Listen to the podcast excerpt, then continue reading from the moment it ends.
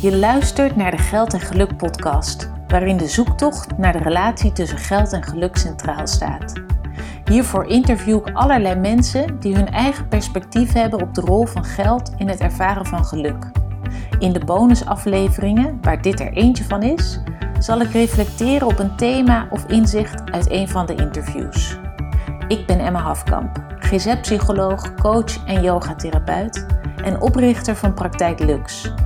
Ik help ondernemers, CEO's en managers die ondanks hun financiële vrijheid zich mentaal niet vrij voelen.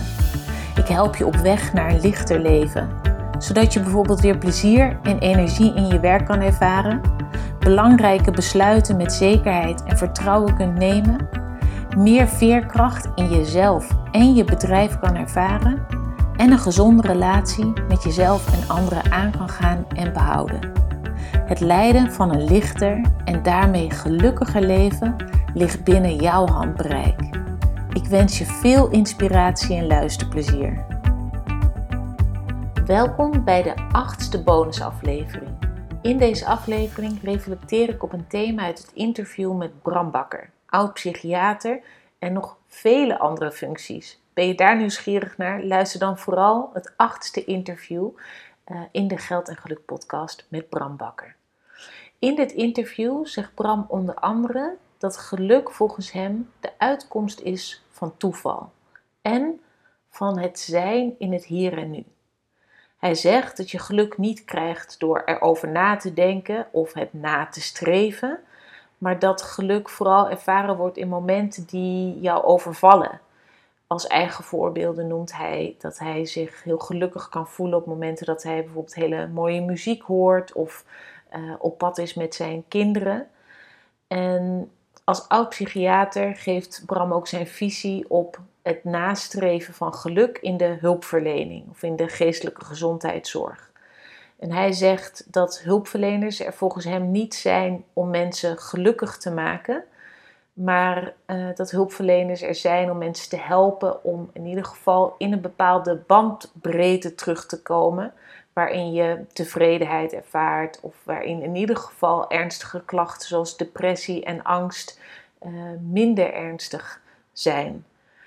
Het nastreven van geluk is iets wat heel erg past in de huidige samenleving. Er zijn ontzettend veel zelfhulpboeken, uh, allerlei podcasts, Instagram staat vol met tips en trucs om gelukkiger te worden of meer succesvol.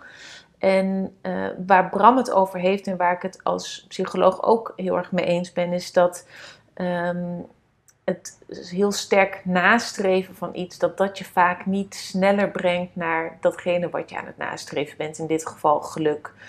Dus dat, dat, dat hoor je natuurlijk ook wel vaak mensen zeggen over, op andere gebieden. Bijvoorbeeld um, als je graag een, een partner wil, een vriend of vriendin, um, en je gaat daar heel erg naar zoeken. Dat je toch heel vaak ziet dat mensen pas hun geliefde eigenlijk ontmoeten op het moment dat ze een zoektocht hebben losgelaten. Um, uh, hetzelfde geldt voor negatieve emoties. Ik heb sowieso altijd wat moeite om emoties negatief te noemen, omdat ik denk dat elke emotie uh, niet negatief of niet positief is, maar um, uh, eigenlijk neutraal in, in, in waardeoordeel. En dat elke emotie een functie heeft en in elke emotie betekenis ligt. Dus dat je van alles wat kan leren. Um, maar het is vaak wel makkelijker om over negatieve en positieve emoties te praten, omdat we dan gelijk weten wat we bedoelen. En onder negatieve emoties valt angst of boosheid of verdriet of paniek. En die emoties willen we natuurlijk heel vaak niet voelen. Dus we zijn dan heel erg bezig uh, met het nastreven om zoveel mogelijk positieve emoties te voelen, zoals blijheid, um, geluk, vrolijkheid, tevredenheid. En zoveel mogelijk de negatieve emoties te vermijden of weg te drukken, of in ieder geval niet, niet te voelen. En hoe meer ik zie dat mensen uh, negatieve emoties aan het wegdrukken of aan het vermijden zijn, hoe minder succesvol ze eigenlijk in deze taak zijn. Dus hoe meer je iets probeert weg te duwen, hoe harder het eigenlijk achter jou aan gaat lopen of jou lastig gaat vallen. Um, en dat het je ook heel veel energie kost. In dat geval ehm, ben ik een groot fan van het metafoor met uh, de strandbal, of sommige mensen noemen het ook de skippybal. Um, als je de skippybal of de strandbal vult met jouw negatieve emoties en die vervolgens onder water probeert te houden, zo'n opblaasbal onder water houden, dat kost enorm veel kracht. En als je eventjes niet oplet, ploep, schiet hij zo omhoog en uh, is hij bij je met misschien nog wel veel meer explosievere intensiteit dan als je die bal gewoon had laten dobberen. Uh, dat je de bal en dus eigenlijk de emoties er mag laten zijn. En soms zie je dat ze dan wat dichter bij je komen, dat je ze wat meer ervaart. Soms gaan ze wat verder weg en dat hangt af van wat jij met de bal doet, maar ook welke uh, wind er staat, hoe de deining van het water is, kortom, hoe het leven is. Uh, of deze emoties dan dichterbij of verder weg zijn. Um, maar altijd zit daar beweging in. Dus het zal nooit altijd aan je vastgeplakt blijven zitten en dat het niet meer weggaat. Nee, er zit altijd een golfbeweging in. Um, dus momenten dat jij negatieve emoties heel intens ervaart, zullen zij ook altijd weer minder worden zonder dat je daar iets actiefs voor hoeft te doen. En dat laten dobberen van die bal, dat kost natuurlijk veel minder energie dan het onder water houden van die bal. Nou, ik heb het nu de hele tijd over negatieve emoties, over uh, het zoeken van een liefdespartner. Maar deze aflevering gaat natuurlijk over het zoeken of het nastreven naar geluk. En vooral over wat is nou de snelste weg naar geluk. Want ik ben het helemaal eens met Bram uh, als het gaat over de uitspraak: als je iets nastreeft, dan is het ofwel moeilijker te vinden, of die weg uh, is, is, is langer, uh, trager uh, dan als je het eigenlijk loslaat. Dus wat ik hier zeg tegen jou is dat jij de snelste weg naar geluk gaat vinden op het moment dat jij het nastreven van geluk los durft te laten. Dat je accepteert dat je niet elk moment in het leven gelukkig zal zijn. Dat geluk uh, niet iets vaststaands is, maar dat je het in golfbewegingen zal ervaren in je leven. En dat je dit geluk veel sneller zult ervaren als je het niet actief aan het opzoeken of aan het nastreven bent, maar dat je het gewoon toelaat op de momenten dat het komt en accepteert op de momenten dat het er minder of niet is. En dus eigenlijk is dit één grote les in het aanvaarden van het leven zoals het zich aan jou aandient.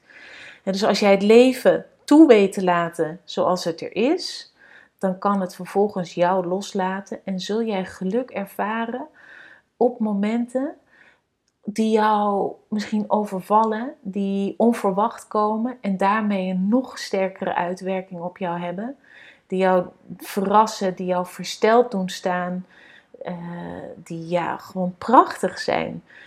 Dus op het moment dat jij jouw zoektocht, jouw streven naar geluk los kan laten, dan ga jij de snelste weg naar geluk vinden dan komt er rust, dan komt er tevredenheid, er komt voldoening op je pad, maar vooral komt er geluk op je pad. En nogmaals, niet als een constante factor, niet constant aanwezig, maar in golven. En juist dat maakt het zo mooi. Want als jij altijd alleen maar continu gelukkig bent, dan ga je eraan wennen. En dan is het iets wat misschien wel heel normaal gaat worden. En juist die golfbeweging van geluk, maakt dat de hoogtepunten als hoogtepunten gevoeld kunnen worden door jou. Dat die geluksmomenten heel intens en intiem kunnen zijn en bijzonder zijn in plaats van normaal. Dus de grootste uitdaging voor komende week voor jou is misschien wel het oefenen met het loslaten van jouw streven naar geluk en kijken wat er dan gebeurt. Ik hoop dat je geïnspireerd bent geraakt door deze bonusaflevering met mijn reflectie. Dank je wel voor het luisteren.